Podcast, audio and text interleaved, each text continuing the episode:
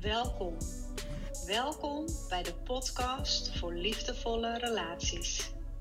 Mijn naam is Claudia Krumme en ik ben oprichter van Counseling Center Changes. Ik begeleid mannen en vrouwen bij relatie- en liefdesverslavingen.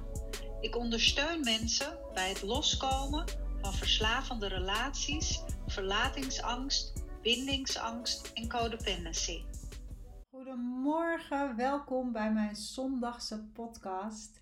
Ik ga vandaag de vraag beantwoorden van Geertje of Gerlinde. En Geertje schrijft: Bedankt voor je boek en de verschillende podcasts. Ik heb er veel aan gehad. Ik heb geleerd dat mijn gedrag een verslaving is en dat heeft mij veel inzicht gegeven. En het gaf me ook de kracht om ermee te stoppen. Het is me gelukt om los te komen van verslavende relaties. Daar ben ik heel blij mee. Maar nu is het een tijdje stil in mijn leven. Geen man en ook geen verliefdheid. Ik ben vermijdend gehecht en ik heb daar last van. Ik word heel erg benauwd van een vriendelijke en oprecht beschikbare man. Hoe word ik weer verliefd? En vooral, hoe word ik verliefd op een beschikbare en oprechte man? Nou, super mooie vraag. Heerlijk om, uh, omdat er heel veel in zit waar ik wat mee kan, Geertje. Allereerst super fijn dat het je al gelukt is om um, nou, het patroon van verslavende relaties te doorbreken. En dat je schrijft, hè, dat heeft eigenlijk, uh, dat is gelukt doordat ik mijn gedrag echt als een verslaving ben gaan zien.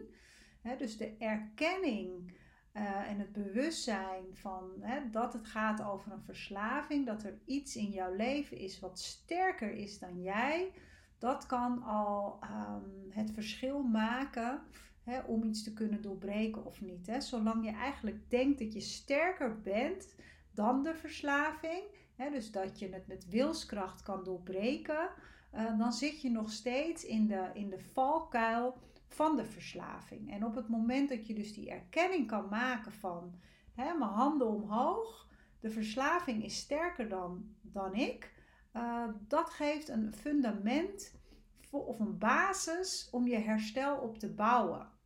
En dat klinkt misschien uh, um, contra van elkaar, maar dat is het niet. Hè? Het is echt een, um, een cadeautje eigenlijk als het ware om die erkenning te kunnen maken. Het geeft echt de mogelijkheid om je herstel en je heling op dat fundament te bouwen.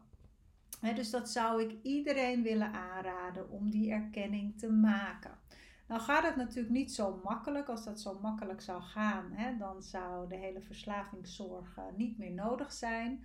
Want ontkenning en heel veel andere overlevingsstrategieën, die gaan gepaard met verslaving. En die, die zei, hè, ontkenning is een van de hoofdsymptomen van verslaving. Dus je blijft altijd gevoed worden door bepaalde gedachten en gevoelens die jou vertellen dat je het wel zelf kan.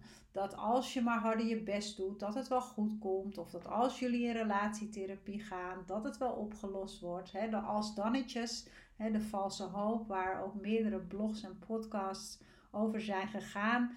Die zorgen er altijd voor dat die erkenning niet gemaakt wordt.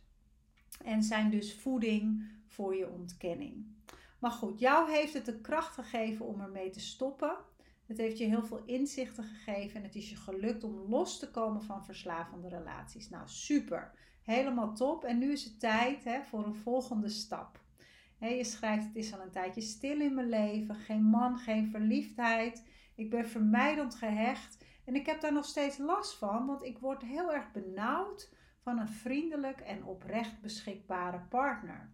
En dat um, is natuurlijk typerend ook voor de vermijdende, onveilige uh, hechtingsstijl. Dat gaat daarmee hand in hand.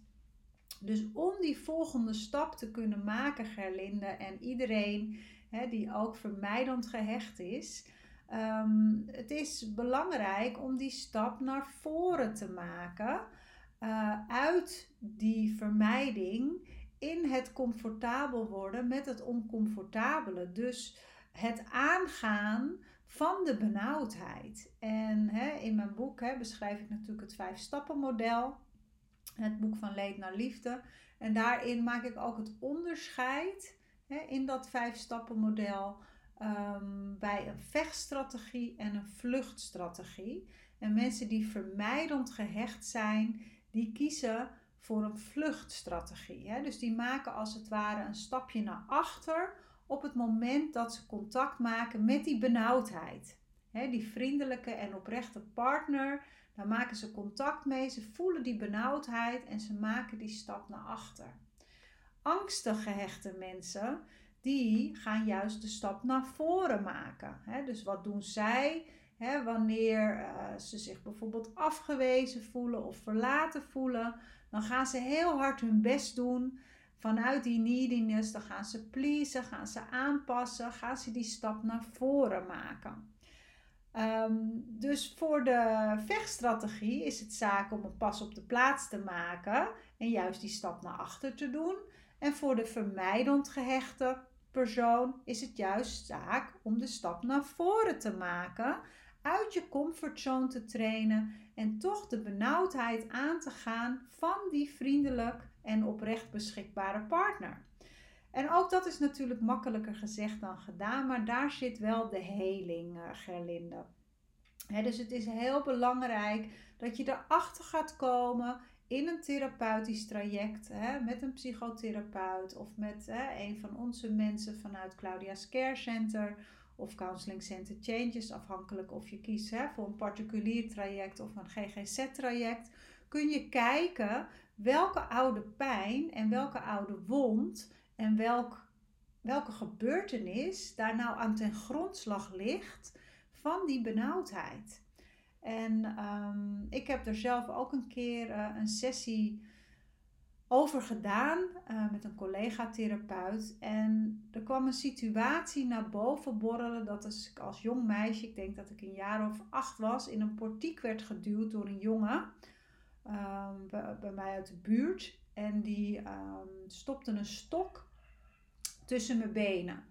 En dat was natuurlijk een hele angstige gebeurtenis. Ik ben weggerend en er is verder niks gebeurd. maar die benauwdheid van die ervaring, dat is dezelfde benauwdheid die ik voel uh, of voelde wanneer er een beschikbare partner of een beschikbare man mij aansprak. En ik had natuurlijk never nooit kunnen bedenken dat deze situatie, deze gebeurtenis, um, in verband stond met deze angst of met deze vermijdende hechtingsstijl. En wanneer je dat dus weet, kun je ook op de momenten dat iemand je aanspreekt of dat iemand met je in contact probeert te treden en jij voelt die benauwdheid, weet jij vanuit je ratio van hé, hey, dat is die oude wond die zich nu aandient. Dat is oud, het is veilig, ik hoef niet bang te zijn. Deze man hè, of deze vrouw wil gewoon met mij praten.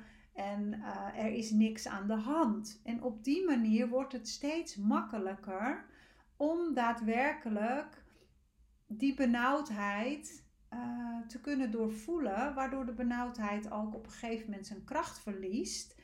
En er geen benauwdheid meer zal zijn wanneer er een oprecht beschikbare partner voor je neus staat dus dat is um, de eerstvolgende stap. om echt de onderliggende oude wond in de ogen te kijken. En daar op een andere manier, vanuit je volwassen bewustzijn, zorg voor te gaan dragen. En um, met je volwassen lichaam door deze kindgevoelens heen te ademen. En je te realiseren iedere keer wanneer je weer contact maakt met die oude wond, je te realiseren van hé, hey, dit is oud, dit gaat niet over nu, dit gaat niet over deze persoon. Hè, ik weet waar het vandaan komt en ik hoef daar niet meer op te reageren. En op het moment dat dat op een gegeven moment zijn plek is, hè, en dan, dan dooft het ook uit, het verliest zijn kracht, um, dan sta je ook weer open om weer verliefd te kunnen worden. En hè, op het moment dat je komt van een plek waarin verliefdheid altijd uh, verbonden was met aantrekken en afstoten, hè, zal er ook een nieuw soort verliefdheid moeten ontstaan. Dus de verliefdheid die je kent van vroeger, van het aantrekken en het afstoten, is een heel ander soort verliefdheid uh, die je gaat meemaken wanneer je in contact treedt met een oprecht beschikbare partner. Dus dat zal veel stabieler zijn. Uh, en ook daarin mag je dus een andere stap gaan maken en die gevoelens op een andere manier gaan interpreteren. dus wetende dat de high die je vroeger voelde bij verliefdheid, dat dat een ander soort verliefdheid is als de verliefdheid die je zal voelen uh, met een oprecht beschikbare partner. Dus je kunt geen appels met peren vergelijken. Je kunt geen verliefdheid van aantrekken en afstoten, wat op angst gebaseerd is, kun je niet vergelijken met um, beschikbare liefde. Uh, die, die heeft een hele andere energie in de verliefdheid dan um, de verliefdheid van het aantrekken en het afstoten. Ehm, ik las ooit een boek waarin ook stond: we kunnen broccoli ook niet vergelijken met chocola. en zo zijn er meer van dat soort vergelijkingen. Die kun je niet met elkaar vergelijken. Dus een dwangmatig overeter die zal zich nooit overeten aan broccoli, maar alleen uh, op chocola. En een relatieverslaafde, hè, die kent alleen die verliefdheid, die high van het aantrekken en afstoten. En niet de oprechte, veilige, beschikbare liefde. Die heeft een hele andere energie. En nog een laatste vergelijking die ik zelf ook uh, heb, heb ervaren, is dat je op een afterparty staan en mm, in combinatie met middelengebruik, alcohol, drugs, kun je niet vergelijken met een, met een spiritueel feestje, een ecstatic dance of iets anders. Hè. Dat heeft een hele andere charme, een heel ander gevoel. En zolang je blijft vergelijken en iets blijft zoeken wat ooit is geweest, dan zul je altijd uh, teleurgesteld eindigen. Dus probeer de waarde en de kracht hè, van iedere gebeurtenis op zich te waarderen voor wat die is. En daarmee wil ik, uh, wil ik deze podcast voor vandaag uh, afsluiten. En ik wens jou heel veel en ieder ander die op dit moment struggelt met nog steeds een vermijdende hechtingsstijl. Um, ja, heel veel geluk en moed en bereidheid bij de volgende stap die je gaat maken. Tot volgende week. Super bedankt voor het luisteren naar deze aflevering. Heb je iets gehad aan deze podcast? En denk je dat het ook waardevol voor een ander kan zijn? Deel het dan gerust op social media of aan iemand persoonlijk, op WhatsApp of op Messenger. Op deze manier draag ook jij een steentje bij aan mijn missie. Het is mijn missie om zoveel mogelijk mensen te ondersteunen bij het helen van trauma en oude wonden, zodat iedereen een gezonde relatie met zichzelf kan ontwikkelen en van daaruit ook met anderen. En heb je nou het gevoel dat je meer nodig hebt dan alleen luisteren naar mijn podcast? Neem dan een kijkje op een van mijn websites en onderzoek welke vorm van ondersteuning het beste bij jou past. En kom je er alleen niet uit? Stuur ons dan een mail, dan kijken we graag met je mee. Voor nu wens ik je een liefdevolle dag toe en tot volgende week.